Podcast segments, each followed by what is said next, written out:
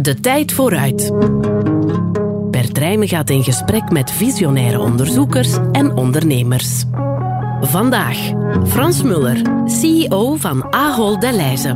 Met meer dan 20 jaar ervaring in de retail is hij onze ideale gids om ons door de toekomst van het winkelen te leiden. Soms is het zo dat je een, ehm, een grote vis in een vijver kan uh, succesvoller zijn dan een haring in een oceaan. En wij proberen uh, als grote vis wendbaar te blijven. De tijd vooruit. Hoe overleeft u de toekomst?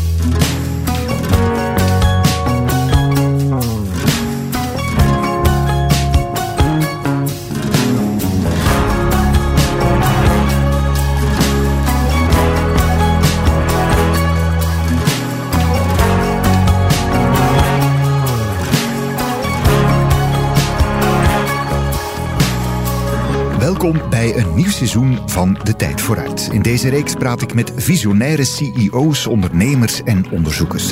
Mensen die ons dichter brengen bij de toekomst en die die al even aan ons laten zien. En vandaag is dat dus met de CEO van Ahold Delhaize, Frans Muller. Ja, ik denk dat om te beginnen is uh, voor ons heel belangrijk om, uh, om u beter te begrijpen. Wie u bent, uh, wat u wil, hoe we u kunnen helpen in voedingspatronen of gezonder te kopen of gedifferentieerder te kopen of betere aanbiedingen te doen die ook bij uw portemonnee passen. Frans Muller zit al meer dan twintig jaar in de retail-industrie en is dus heel goed geplaatst om ons te vertellen hoe winkelen eruit zal zien in de toekomst. Ja, dat uh, zit een beetje in ons bloed. Hè? Ook uh, dingen experimenteren en testen. En dat is mooi van retail. Je kan natuurlijk met vijf winkels kan je dingen testen. Je hoeft niet gelijk met onze 7000 winkels dat te doen. En dat is natuurlijk, uh, dat is als je in de vliegtuigindustrie zit, wat anders. Ik denk dat we heel veel kunnen winnen met de voorspelbaarheid van de vraag. Als we groente en fruit nog beter kunnen voorspellen. Wat gaan wij verkopen op die dag, op dat uur en dat soort dingen. Dan kun je ook die toelevering beter maken. En dan hoef je minder zometeen uh, heb je minder producten die je niet kan verkopen of die uit de datum lopen.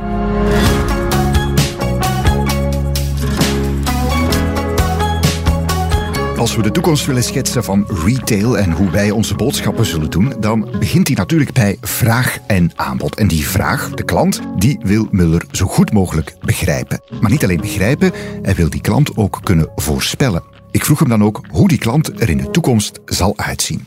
Ik denk dat het kennis van klanten altijd prioriteit is geweest, maar alleen nog makkelijker is geworden omdat we natuurlijk ook meer data hebben.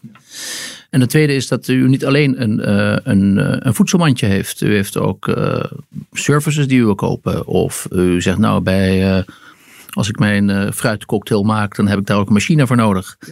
En ik denk dat die, al die behoeften bij elkaar opgeteld, als we die goed kunnen begrijpen, dan kunnen we ook in gaan richten hoe kunnen u het beste bedienen? En dat betekent uh, dat met die winkel veel gaat veranderen. Dat betekent dat we een platform anders gaan krijgen. Dat betekent dat we u gaan helpen met uh, recepten. Of we zegt, goh, hoe kan ik deze maaltijd nu kopen, uh, koken die bij mijn voedselallergie past? glutenvrij of minder suiker, minder vet en minder zout. Hoe gaan we dan de goede voorstellen doen? En ik denk dat we daar enorme voor, ja, stappen gaan maken in de toekomst ook.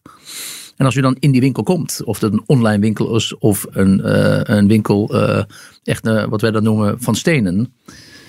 Dan willen we eigenlijk dat die klantenreis zo efficiënt mogelijk is. En dat u makkelijk door de kassen heen komt. Of dat u door de winkel goed, goed begeleid wordt. Of tijdens het winkelen nog aanbiedingen ziet die interessant zijn. En dat de aanbiedingen die we u geven ook bij u passen. En dat we niet, dat we niet u als vegetariër aanbiedingen maken voor, voor varkensvlees. Dus um, dat zijn de dingen die uh, klanten beter leren kennen, data gestuurd, meer toegepaste aanbiedingen maken, het makkelijker maken om te winkelen, online of offline. En uh, ideeën aan de hand doen, inspiratie geven. Laten we beginnen bij die stedenwinkel waar u het uh, over heeft. Hoe, hoe, hoe, zal mijn, ja, mijn tocht, uh, heldentocht is het soms misschien wel, door, door die winkel verlopen over, over tien jaar? Ja, ik denk dat we al een aantal ontwikkelingen hebben gezien. Ook bij de leswinkels in, in België. Met veel meer digitale communicatie. Met een, eh, een self-checkout die voor veel mensen sneller gaat of handiger is. Met een, uh, een winkel die verser is geworden. Waar veel meer verse voeding is. Een winkel waar veel meer kant-en-klaar maaltijden. Convenience maaltijden zijn. Omdat u zelf wel wilt koken of soms geen tijd voor heeft. En dat we dat kunnen bedienen daarmee. Zonder dat u uh, nou, naar duurdere oplossingen moet gaan om buiten huis te gaan eten, maar toch wil thuis wil zijn. En ik denk dat we ook daar in de coronatijden enorm veel hebben geleerd wat klanten van ons verwachten. En dat zijn maaltijdcomponenten. Gelukkig hebben ook heel veel klanten weer opnieuw ontdekt te gaan koken. Of voor de eerste keer gezien, hé, hey, ik moet nu koken. En hé, dat is eigenlijk best wel leuk. En uh, ik kan dat ook. En daar gaan proberen we bij te helpen. En dus de aanbieding in de winkel, het assortiment toegespitst op uh, de goede huishoudens, toegespitst op uw behoefte, hoe u wilt eten, op uw portemonnee, maar ook de gang door de winkel efficiënter te maken. De voorbereiding voordat u gaat kopen, het boodschappenlijstje alvast. Eigenlijk, we kunnen het bijna voorspellen. Hè? U weet perfect wat ik ja, u bent dat hoort u niet graag, maar u bent een gewone dier. Hè? 80% van, de, van wat u koopt, dat weten we een beetje van tevoren. Dus we kunnen u helpen met die voorspelling, maar ook eens nou... We kunnen ook ongeveer uitrekenen wanneer bepaalde voorraden in de ijskast op zijn. En tegenwoordig kan ook een ijskast dat soms zelf. Slimme ijskasten eh, zijn er ook al inderdaad. Ja, maar wij kunnen natuurlijk met, op basis van data dat heel goed doen. En we kunnen ook suggesties geven. Goh, uh, mensen zoals u die graag glutenvrij uh, willen eten. We hebben nu zeven nieuwe producten in het huismerken. Dat, dat kunnen we fantastisch doen. Nou, en wat we ook zien is dat het lastiger wordt voor mensen, of lastig is voor mensen om gezonde keuzes te maken. En mensen weten soms niet meer wat zou nou goed voor mij zijn als ik gewicht wil verliezen of als ik een diabetespatiënt ben, of als ik bepaalde allergieën heb, of als ik wil zorgen dat mijn kinderen uh, op een vriendelijke manier ook meer groenten gaan eten en dat soort dingen. Niet evident altijd. Ja, niet evident. Dus, uh, en daar proberen we helpen, bij te helpen. En daar zijn goede systemen voor. Hè. In, in, België bijvoorbeeld hebben we het Nutri-Score systeem. Ja, wat uit Frankrijk geïmporteerd is. Wat we nu in Europa zien dat het uh, verder uitgerold gaat worden. En daarmee proberen we klanten te helpen om gezondere keuzes te maken. Niet dat wij zo uh, bij de hand zijn, maar gewoon dat we neutrale, objectieve voedingsdeskundigen laten helpen om klanten die keuzes te laten maken. Ja, merkt je al het verschil? We bestellen met z'n allen veel meer online. We laten ook uh, boodschappen thuis afleveren. We hebben allemaal al wel eens lijstjes samengesteld en, en, daar dingen mee gedaan. Brengt dat die stenenwinkels onder druk? Moeten die veranderen? Moeten er minder zijn, kleiner zijn, op een andere manier georganiseerd? Nou, onder is denk ik het verkeerde woord. Ik denk dat we, als we kijken naar de bedrijven die wij hebben. Sommige bedrijven zijn 70 jaar oud, 130 jaar, 150 jaar. Dus die hebben al enorm veel veranderingen meegemaakt in die loop der tijd. Dus als je maar blijft veranderen, blijft luisteren naar die klanten. Dan ga je vanzelf veranderen, want je moet. Je wil. Maar we hebben natuurlijk in, in de coronatijden uh, heel veel geleerd. Hè, over uh, thuisconsumptie, over mensen die willen gaan koken. Over mensen die bewuster zijn geworden qua gezondheid. Over mensen die zeggen, ik wil van jullie weten hoe jullie nu eigenlijk inkopen. Hoe zit nou jullie duurzaamheid in elkaar? Hoe zit de hele keten in elkaar? Hoe zorg je nou dat ook de boeren een goede boterham kunnen verdienen? Uh, wat gaan jullie doen eigenlijk aan, uh, aan afval of verspilling van voeding? Nou, dat zijn dingen die voor de consument heel belangrijk zijn. En dus ook voor ons, dat was het al.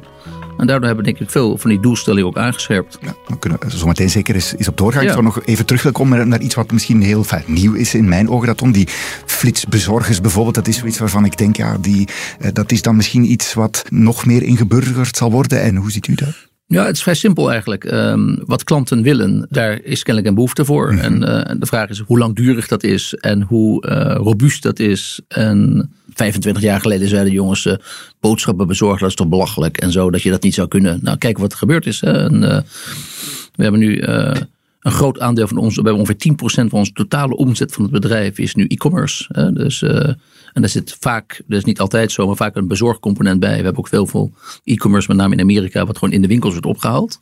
Ander model, click and collect in goed Nederlands.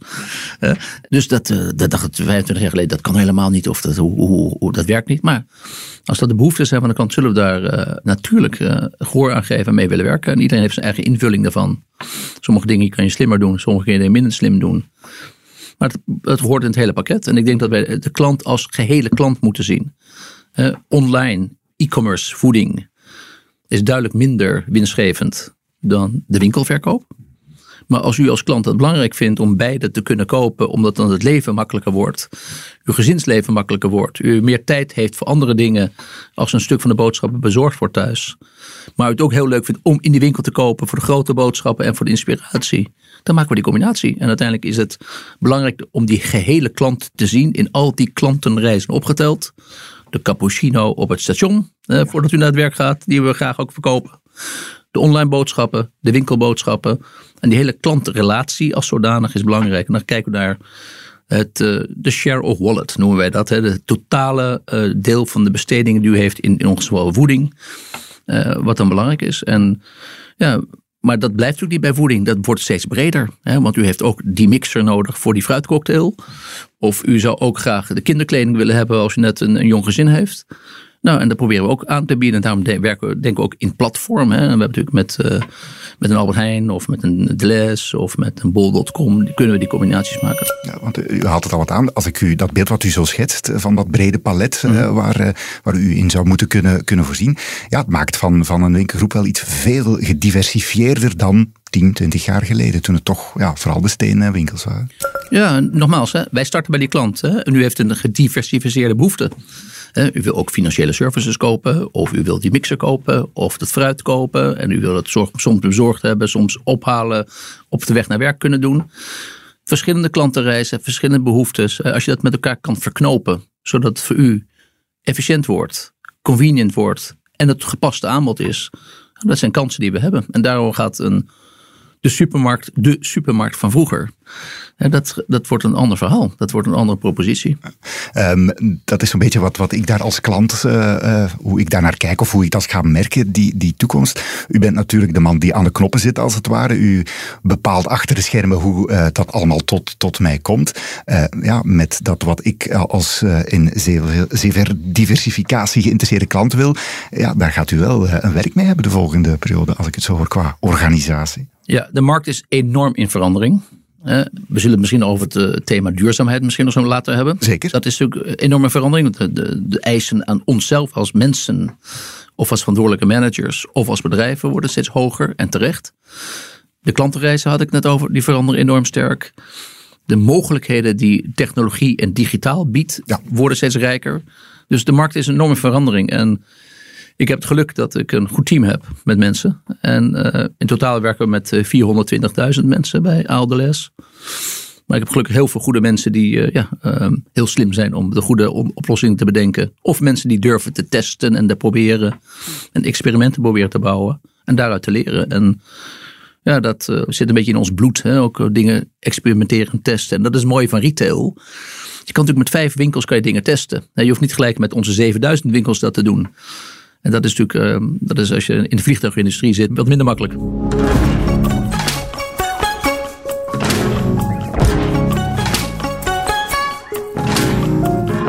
De markt is enorm in verandering. Retail springt op de online trein. Mensen gaan steeds meer hybride winkelen. En dat betekent ook een andere inrichting van de machinerie achter de winkels. Hoe zal Muller als man aan de knoppen zijn bedrijf organiseren om tegemoet te komen aan die klant? Met andere woorden, hoe ziet het retailbedrijf van de toekomst eruit?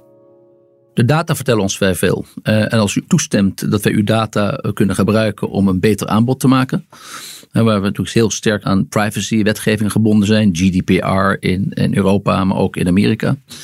Dan, uh, als u dat toestaat die data te gebruiken, dan kunnen we er goede combinaties mee maken en kunnen veel leren. En op basis van uw kassabon, op basis van uw koopgedrag, kunnen wij voorspellen wat voor een gezin u heeft. Mhm. En dat is niet Big Brother, hè, dat is niet uh, angstaanjagend. Um, maar we denken dat we daarmee betere aanbiedingen kunnen maken. Of een betere winkel kunnen inrichten. Of een ander assortiment kunnen maken. Of een betere logistiek kunnen inrichten. En als je 10% van je, uh, van je totale um, omzet in e-commerce doet, dat betekent een hele andere logistiek voor je winkels. Als we. Uh, we willen kijken naar hoe we processen gaan inrichten. Dan is natuurlijk in een bedrijf zoals wij zijn, hebben we ook repetitieve taken. Mhm. Zoals uh, het uh, vullen van een schap. Of zoals het uh, vullen en leegmaken van een stapelplaats. dat zijn dingen die repetitief kunnen zijn. en daar zijn natuurlijk ook mogelijkheden waar de techniek ons gaat helpen om mensen aantrekkelijker werk te geven. Of om repetitieve arbeid zeg maar efficiënter te kunnen doen. En dat zijn natuurlijk ook dingen die komen. En we hebben allemaal gezien dat uh, bijvoorbeeld nu, uh, maar dat zal in de toekomst niet makkelijker worden, dat uh, het aanbod van werk steeds moeilijker wordt. We hebben veel markten waar we volledige werkgelegenheid hebben. Mhm. We hebben een hoop mensen waar we vroeger toegereisde mensen kregen. die zeggen nee, ik heb nu ook in Polen of in Roemenië een fantastisch leven. En ik kom niet naar jullie toe. In Amerika hadden we altijd heel veel mensen uit Zuid-Amerika die in ons toe kwamen. Die de boeren hielpen bij, bij de oogst. Mhm. Die ons hielpen in het seizoen wanneer het druk was. Nou, die zijn er niet meer, want die hebben thuis gelukkig uh, een, een, beter leven. Uh, dus je moet oplossingen vinden hoe ga je dat werk verzetten. Daarom is ook uh, ja, techniek, technologie en digitaal speelt een belangrijke rol in om daar ons bij te helpen. En we denken ook dat daarmee type werk aantrekkelijker wordt voor mensen, omdat het repetitieve stuk eruit kunnen halen. We doen nu een test in, in Tsjechië met een, uh, met een robot die schoonmaakt in de winkel. Oké. Uh, en die zelf leert ook. Waar de vieze hoekjes zijn. Waar de vieze hoekjes zijn en, en hoe snel het kan gaan en hoe die robot kan bewegen. En het, ja, dat is een beetje, een beetje plastisch, maar ook het gebruik van water, ja. het gebruik van middelen en dat soort dingen. Hoe, hoe, hoe je dat kan optimaliseren. Nou, die robot die kan natuurlijk s s'nachts schoonmaken terwijl de winkel dicht is. Nou, dat is niet, misschien niet meest, het meest uh, aantrekkelijke werk voor mensen en repetitief. En u vindt er ook moeilijk mensen voor, hè? Zoals dat beeld. Je vindt er moeilijk ja, mensen voor en daar kan natuurlijk een robot bij helpen. Ja. En dus uh, daar doen we die dingen mee. En daar kan je technologie zinbaar en, uh, inzetten voor dingen die, die uiteindelijk ook voor de kwaliteit van werk en het doen van werk zin hebben. We hadden net bol.com al aan, hè? ook onderdeel van de groep, dus een e-commerce speler. U ziet dat in dat beeld wat u daarnet schetste als een onderdeel van dat brede spectrum wat, van dingen die ik als klant uh, wil. Um, ja, u moet daarmee uh, wel ook de concurrentie aan met, ja, laten we echt zeggen, de, de grote jongens, de internationale mega-wereldspelers, de Amazons van, van deze wereld. Is, is dat daar een goed vehikel voor? Lukt u dat? Ja, ik denk dat dat op dit moment zeer goed lukt. En waarom lukt het goed? Omdat we die klant zo goed kennen. We kennen de Belgische en, um, en de Nederlandse klant heel goed. Uh, we hebben een heel goed product voor de laatste mijl, zoals we dat noemen, die thuisbezorging. Dat doen we goed, heel betrouwbaar. We hebben uh, op ons platform, inmiddels is bol.com een een platformwinkel. Dus ongeveer 60% van de omzet van bol.com komt van uh, handelaren op het platform. Dus als u producten wil verkopen via bol, dan kunt u dat doen. En dan meldt u zich aan en dan hebben we een product voor u.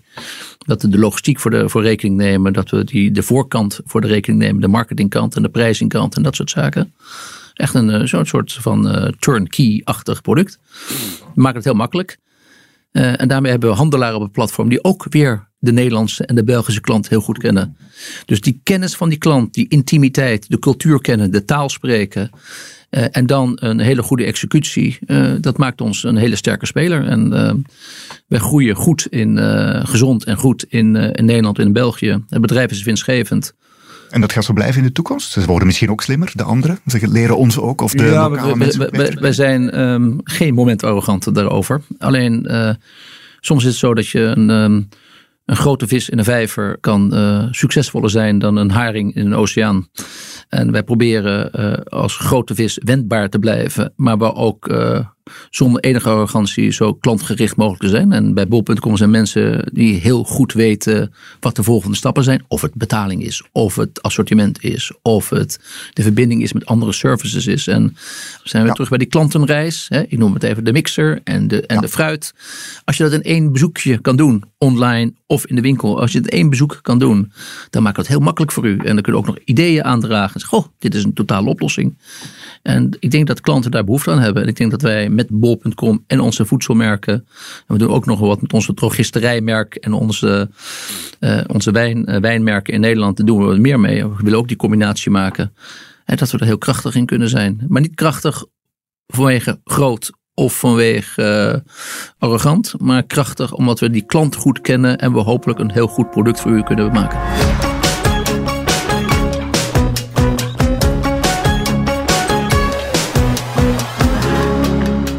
Beweging zoals u die beschrijft, non-food, om op daar ja. die combinatie te vormen, dat is echt wel de way ahead. Dat ziet u, ja, daar ziet u de toekomst in. Uh. Ja, het interessante is dat um, de food-klantenreis natuurlijk een hogere frequentie heeft. U, u bent één, twee keer uh, per week in een supermarkt of online. En die non-food klantenreis is natuurlijk minder frequent. Dus dat kan elkaar versterken. Dat is één ding. En de tweede is dat... Uh, ja, het is uw gemak. En uh, we denken dat, dat het belangrijk is. En er zijn een aantal van die grote non-food platforms die ook in de food business actief willen zijn. En wij denken dat het niet zo makkelijk is. En uh, we hebben ook een aantal mensen die digital first gestart zijn. Hè, een paar van die grote bedrijven. Ja. Wij zijn winkel first gestart. En ik denk dat uh, een netwerk van 7000 winkels verrijken met een online propositie food en non-food. Dat dat krachtiger is, denken wij, dat is een beetje subjectief, krachtiger is dan digital first en dan de winkels bijbouwen. En je ziet al die grote digital first eh, bedrijven, zie je ook nu winkels bouwen en zie je ook in food gaan. Dat is niet zo makkelijk. we hebben gelukkig heel veel ervaring met food. En het is niet zo makkelijk om dat echt goed te doen qua versheid en qua uh, winstgevendheid en qua assortiment. We hebben hele ervaren mensen bij ons die dat al langere tijd goed doen. Ja. In de Verenigde Staten, uh, meneer Mulder, is misschien een andere situatie. Daar kan je misschien zeggen dat de verschillen minder groot zijn from coast uh, to coast. Hè. Dit is een cultureel misschien meer ingemaakt land. Uh, daar zijn de Amazons ook wel ja, heel grote winkels aan het bouwen. En u bent daar ook actief natuurlijk op verschillende manieren. zijn zij daar misschien meer aan de winnende hand? Is een aardig voorbeeld. Hè? Uh, Amerika is niet zo uh, uniform als u voorstelt aan de luisteraar. Uh, ah, leg mij uit. Ja. Nou, de Californische klant is een compleet andere klant dan de Oostkustklant. qua etniciteit, qua achtergronden, qua Aziatische populatie, qua hoe mensen naar het leven kijken, qua inkomen. Mm -hmm. Zeer verschillend dan een klant in de Carolinas of klant in, in Massachusetts. Maar wat wel zo is, dat een aantal van die grotere bedrijven, toevallig één hele grote speler, is de thuismarkt daarvoor.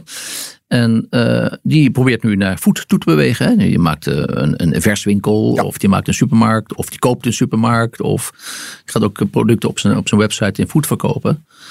Ik denk dat het voor hen niet zo'n makkelijke reis is. Ah. Denk ik. Uh, helaas krijgen we niet al die cijfers uh, elke dag aangeleverd nee. van ze. Uh, dat delen ze niet met ons. Maar nogmaals, ik denk dat onze reis met merken in voed, supermarktmerken die dicht bij de gemeenschap staan, die heel lang dat werk al doen, en een relatie hebben met die klanten. En ook in coronatijden enorm de community hebben kunnen helpen. Dat die relatie heel belangrijk is. En wij denken altijd, wij zeggen altijd dat een relatief marktaandeel, winst, gecombineerd met de sterkte van een merk, dat dat de gouden combinatie is. Daar geloven wij in. En dat in een omni-channel, dus eh, online en offline uh, manier van werken. Dat gaat eigenlijk uh, goed met ons en daar hebben we tot nu toe zeer veel vertrouwen in. Maar dat kan alleen als klanten in ons vertrouwen hebben. Dus we moeten hard werken. Ja, inderdaad. En omdat ik het toch één keer moet proberen, de integratie van het platform Bol en de Lijzen, daar had u het over. Wat uh, als we ze een platform zouden noemen met een integratie de Lijzen en Albert Heijn in België? Nee, ik denk dat wij, uh, wij kijken nu naar uh, bol.com en de les, de combinatie mm -hmm. in België. Dat zijn natuurlijk de, de, de, de, twee grootste en sterkste merken daar. Uh, en dat we die combinatie maken. Um, je kan natuurlijk loyaliteitssystemen met elkaar verbinden. je kan natuurlijk de klantenreis met elkaar gaan verbinden. en dat, dat gaan we allemaal zien in België. En um, dat niet alleen in, in Vlaams-België, maar ook in Franstalig België. En ik denk dat we daar een grote kans mee maken. En ik denk ook dat onze partners in België. We hebben heel veel eh, Belgische partners ook bij bol.com op het platform. U bedoelt eh, andere handelaars, winkels, eh, producenten? Nee, ik bedoel, nee, ik bedoel handelaars op het platform. Ja. Dus producenten die via bol willen verkopen. Ook die zien het als een hele positieve zaak in. Want hoe meer traffic, hoe meer verkeer je natuurlijk op zo'n site krijgt, dat is interessant. En hoeveel klanten zeggen, hé, hey, dat is heel makkelijk. Ik kan niet alleen de luiers kopen bij, uh, bij Deleuze, maar ik kan ook het uh, kinderbedje of de non-food babyartikelen kopen bij bol.com daar heb ik één klantenreis en ik heb alles uh, compleet. Dan maak je het makkelijker en het kan ook nog bezorgd worden. Uh, als, als ik dat als uh, moeder of vader graag wil. Dus dat zijn de dingen die we, die combinaties die we willen maken. En daarom, dat is niet in één keer gebeurd. Dan hebben we even wat tijd nodig. Maar ik denk dat dat een heel krachtig idee is. En ik denk dat ook heel veel klanten daarvoor openstaan. We luisteren straks verder na dit.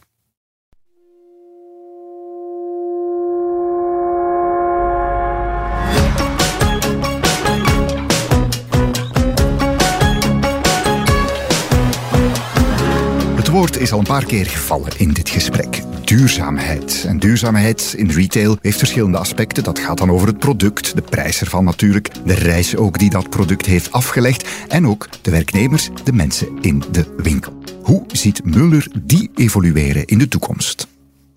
Ik denk dat wij nog niet uh, tevreden kunnen zijn met waar we nu staan. Uh, ik denk dat de uitdaging die uh, de planeet heeft, of die mensen hebben, groter is dan dat we het nu toe hebben kunnen tevreden stellen. Waar ik wel trots op ben, is de progressie die we maken op het gebied van klimaat, op het gebied van voedselverspilling, op het gebied van klanten informeren over gezonde keuzes. Als ik het heb over uh, een meer diversere uh, medewerkersgroep bij ons te krijgen. Al dat soort type dingen, die waar we ook over rapporteren overigens, het publieke rapporteren. Ik ben uh, tevreden met de progressie. Ik ben nog niet tevreden waar we staan. En ik denk dat, we, dat onze ambitie een stuk hoger ligt. We hebben voor 2040 hebben gezegd, we willen voor onze eigen operatie uh, net zero zijn. Hè, mm-hmm. Klimaatneutraal Neutraal, zijn. Ja. ja. in 2040. En wij rekenen met die anderhalf graden ja. opwarming van de aarde. Je hebt natuurlijk verschillende versies, maar we rekenen met de anderhalf graden. Uh, en we willen in 2050 voor de totale keten Mm net zero dat zijn. ook uh, hebben. Ja, ja. ja, dat is moeilijk uit te leggen aan consumenten, want het is heel technisch. Hè. Dat wordt allemaal gemeten. Hè. Mm-hmm. Wij zijn aangesloten bij een initiatief dat heet het Science Based Target Initiatief. En de Race to Zero, wat een Verenigde Naties uh, doelstelling is. Nou, die twee dingen samen, die meten ons, hè, die houden ons scherp. Daarover rapporteren we ook en daar hebben we die doelstelling nu neergelegd. Dus daar werken we heel hard aan. En om een cijfer te noemen, de totale voedselketen in de wereld, dus van de boer tot in uw keuken, die is verantwoordelijk voor 30% van de totale CO2-uitstoot. Dus dat betekent dat onze sector, daar kunnen, we, daar kunnen we impact maken om daar een verbetering in aan te brengen. Nou, als die totale 30% in de keten 100% zou zijn, dan maken wij daarvan maar 5% uit als retail. Ja. Dus we hebben een relatief klein deel. Maar we vinden wel dat we een verantwoordelijkheid moeten nemen in de totale keten. Daarom ook die totale keten 2050 net, net zero. Dus wij werken met leveranciers, we werken met de agrarische sector om efficiënter te worden, om beter te voorspellen. Bijvoorbeeld, er komt AI, ja. artificial intelligence, eh, kunstmatige intelligentie naar voren, om beter te voorspellen wat onze vraag is, dat we minder voedselverspilling hebben. Want wij gooien ook, en dat is schandalig natuurlijk, dat is heel triest om dat vast te stellen, dat wat de boeren produceren, wereldwijd, niet alleen eh, in Europa, maar wereldwijd, daar komt 30% niet aan in de buiken van mensen. Ja, dat is gigantisch hè? Dat is gigantisch. Ja. Dus dat is om te beginnen al een zonde van al die productie. Mhm.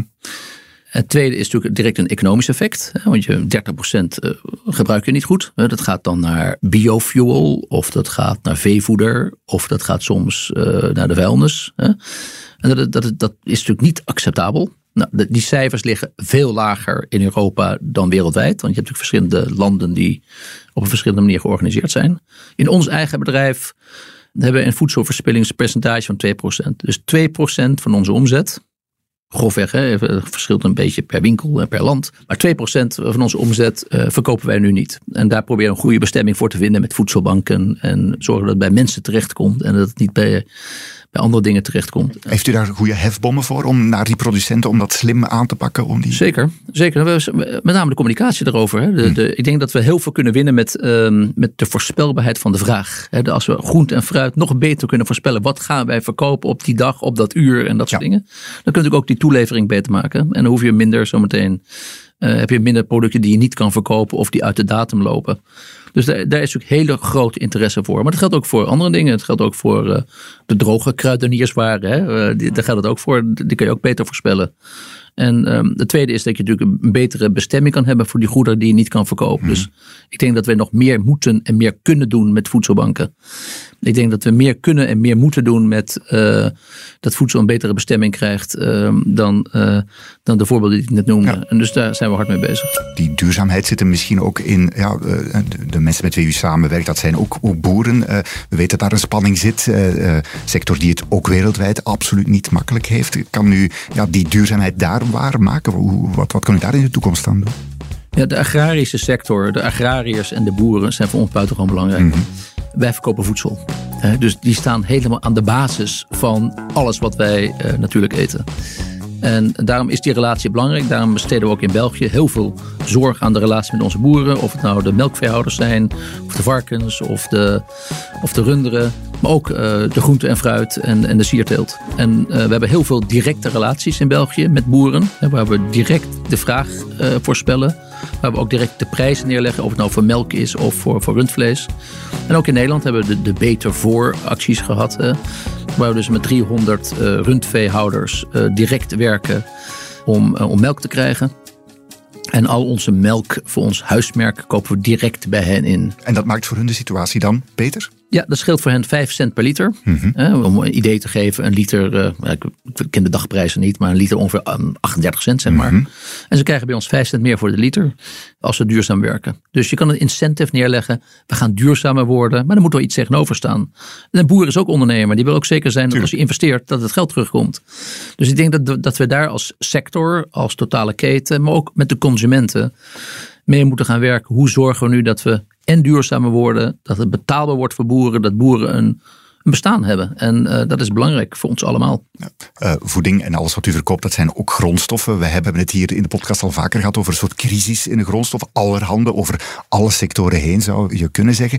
Dat lijkt wel iets wat in de toekomst mm, ja, zeker niet minder uh, moeilijk zal worden. Hè? Hoe kijkt u daar vanuit uw ja, retailhoek naar? Ja, we, we, hebben nu natuurlijk een tijd waar we voedselinflatie zien. Mm -hmm. wat veel mensen zorgen baart. Want ja. dat gaat ten laste van je besteedbaar inkomen.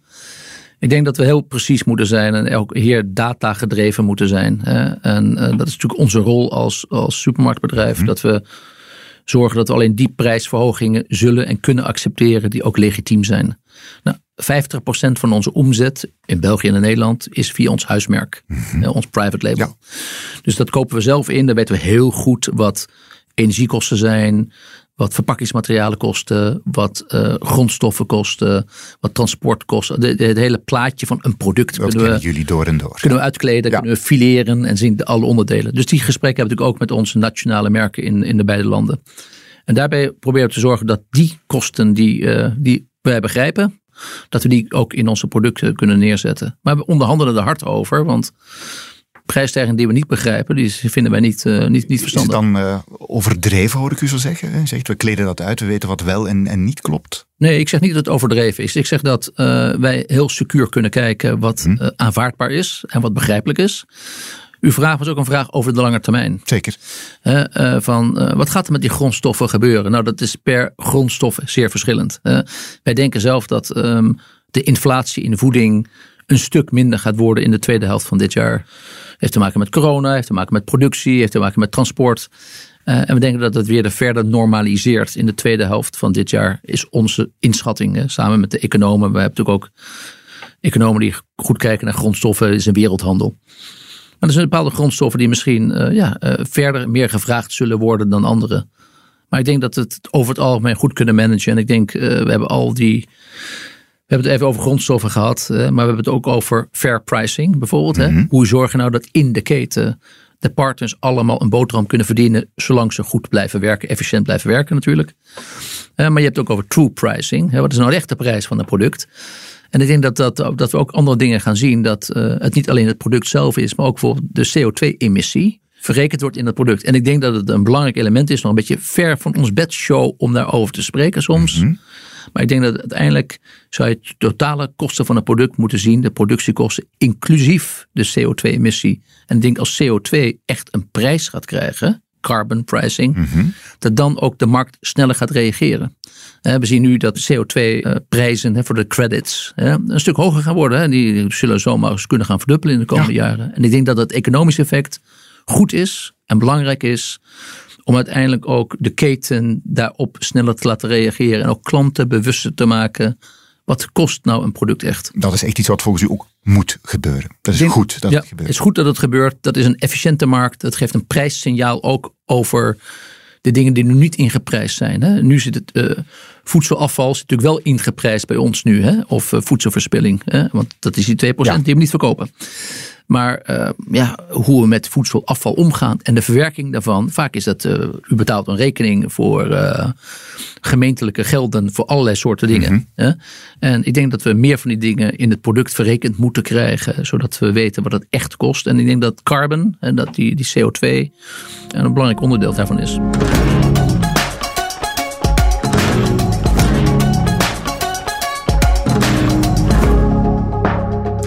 Eens naar een ander aspect van duurzaamheid uh, uitwijken. Uh, u bent als winkel uh, aanwezig in de steden op vele plaatsen.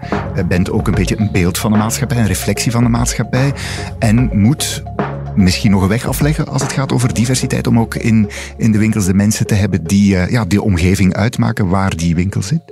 Ja, het hangt, het hangt erg sterk vanaf over welke winkels we het hebben mm -hmm. en welke landen. Maar onze doelstelling is dat de winkel de diversiteit van de buurt waar de winkel in staat ook representeert. Okay. dus als we in een, uh, in een wijk zijn met een sterke Spaanse mm -hmm. community, bijvoorbeeld in, uh, in, in Amerika, dat we ook in onze winkel uh, Spaanstalige mensen hebben werken. Dat is voor een klant comfortabel, dat begrijpt hij, dat, hey, dat, ze begrijpen mij. En dat is ook, ook commercieel natuurlijk goed en verstandig. En als we in een, in een winkel werken met een een een sterke moslimachtergrond, uh, dan wil ik dat in die winkel ook mensen zijn die uh, ook uh, een moslimachtergrond hebben en moslims goed begrijpen. Dat ze weten wat Ramadan is en dat, ze dat, dat het feest gevierd wordt en dat we onze producten en ons assortiment kunnen aanpassen en ook begrijpen wat zo'n bevolkingsgroep voor hen belangrijk is. En daarom is die, hebben wij ook dat als doelstelling gezegd dat wij 100% een afspiegeling van de maatschappij willen zijn in onze winkels. En in sommige winkels hebben daar nog wat te doen, want er lopen nog wat achter. Of uh, we hebben te weinig verloop en intussen is de buurt enorm veranderd. Dus dan moeten we hebben een inhaalslag te doen. Ja, inderdaad, dat is, uh, u bent in heel veel landen actief. Uh, sommige landen makkelijker dan andere, neem ik aan. Nou, ik zou, ik zou niet zo zeggen sommige landen. Ik zou meer zeggen ehm, winkels die al lang ergens in een buurt zitten. Met weinig mhm. verloop van mensen. Waar ondertussen de buurt veranderd is. Moet je wat harder eraan trekken om ook die winkel te veranderen. En dat, dat is een taak die we hebben. Maar het is, het is goed zichtbaar. En in sommige gevallen ook meetbaar. En uh, ik denk dat het is gewoon een, een, een taak voor ons om klantvriendelijk te zijn. En uh, om die klant zo goed mogelijk te dienst te zijn. En je ziet ook in heel veel, in heel veel Amerikaanse winkels nu tweetalige, tweetalige uh, bebording. Hè? Dus uh, Engels en Spaans. Ja. Hè? En als we in de, in de winkels zijn, vaak hebben we in onze winkels een goede vertegenwoordiging. Maar die vertegenwoordiging is ook in de kantoren nodig. Ja, inderdaad. Want je kan natuurlijk op de vloer. En, en, dat is het eerste contact met mensen. Dus dat is heel belangrijk. Maar als je hogerop, ja, dan zou je toch ook iets minder alleen maar witte mannen moeten hebben hebben, zei hij van witte man tot witte man. Ja, dat, is, dat is helemaal juist. En ik denk dat uh, om diverse teams te hebben is uh, enorm veel meer plezier. want je neemt ook, je hebt, de sfeer wordt beter. Mm -hmm. uh, je begrijpt je klanten beter. Dus is ook commercieel belangrijk. je trekt als je diverser bent ook diverse mensen aan. Hè? Je, je, dus dat is ook een aantrekkingskracht als, als werkgever. En ik denk dat we daar heel hard aan, aan werken en aan trekken. En we hebben hier en daar gewoon nog dingen te doen. Laten we eerlijk zijn. En we rapporteren er ook over hè, eh, in onze Maakt u het zo concreet? U, uw mensen moeten dat ook becijferen en worden daar ook op aangepast? Ja, wij meten dat. En dat kan niet overal. In Europa bijvoorbeeld uh, mag je etniciteit niet meten bij wetgeving. In Amerika kan dat wel. Uh, en als we in een, in een staat zitten of in een buurt zitten waar er meer African Americans zijn dan wij representeren, of als ons assortiment niet helemaal goed begrepen heeft wat African Americans belangrijk vinden, dan maken we gewoon een commerciële fout. En niet alleen commercieel, maar ook een fout met gebrek aan respect voor deze klanten. Dus daar hebben we dingen te doen. Dat is heel goed zichtbaar nu. We gaan nu in de, in de Bronx in New York. gaan we winkel compleet ombouwen. Want inmiddels is de buurt goed veranderd om die winkel heen. Mm We gaan die winkel ombouwen nu. En we gaan daar voor een 40% eh, Hispanic community in de Bronx. 20% African American. 10% Aziatisch. Opgeteld zijn dat 70%. 70 ja. En de rest is eh, ook nog steeds een mix. Waaronder ook... Uh, onder gewoon witte Amerikanen, gaan we die winter compleet veranderen. Dus qua kleurstelling, qua sfeer, qua assortiment. En met name in de versgroepen komt het tot uiting. Die, uh, die, die vragen gewoon andere producten in groente en fruit dan ik zou vragen. En uh, ja, die producten moeten daar dus liggen. Puur commercieel en, uh, en uit respect. Dus dat gaan we nu doen. En die winkel gaat over 15 weken open. En ik denk dat het een fantastisch succes wordt. Want de klanten zeggen, hey, Jij doet iets, je hebt mij nu al beter begrepen. En ik eh, word loyaler naar jouw winkel toe. En het wordt ook een hele mooie winkel trouwens. Dit was De Tijd Vooruit. Ik ben Bert Rijmen. Bedankt om te luisteren.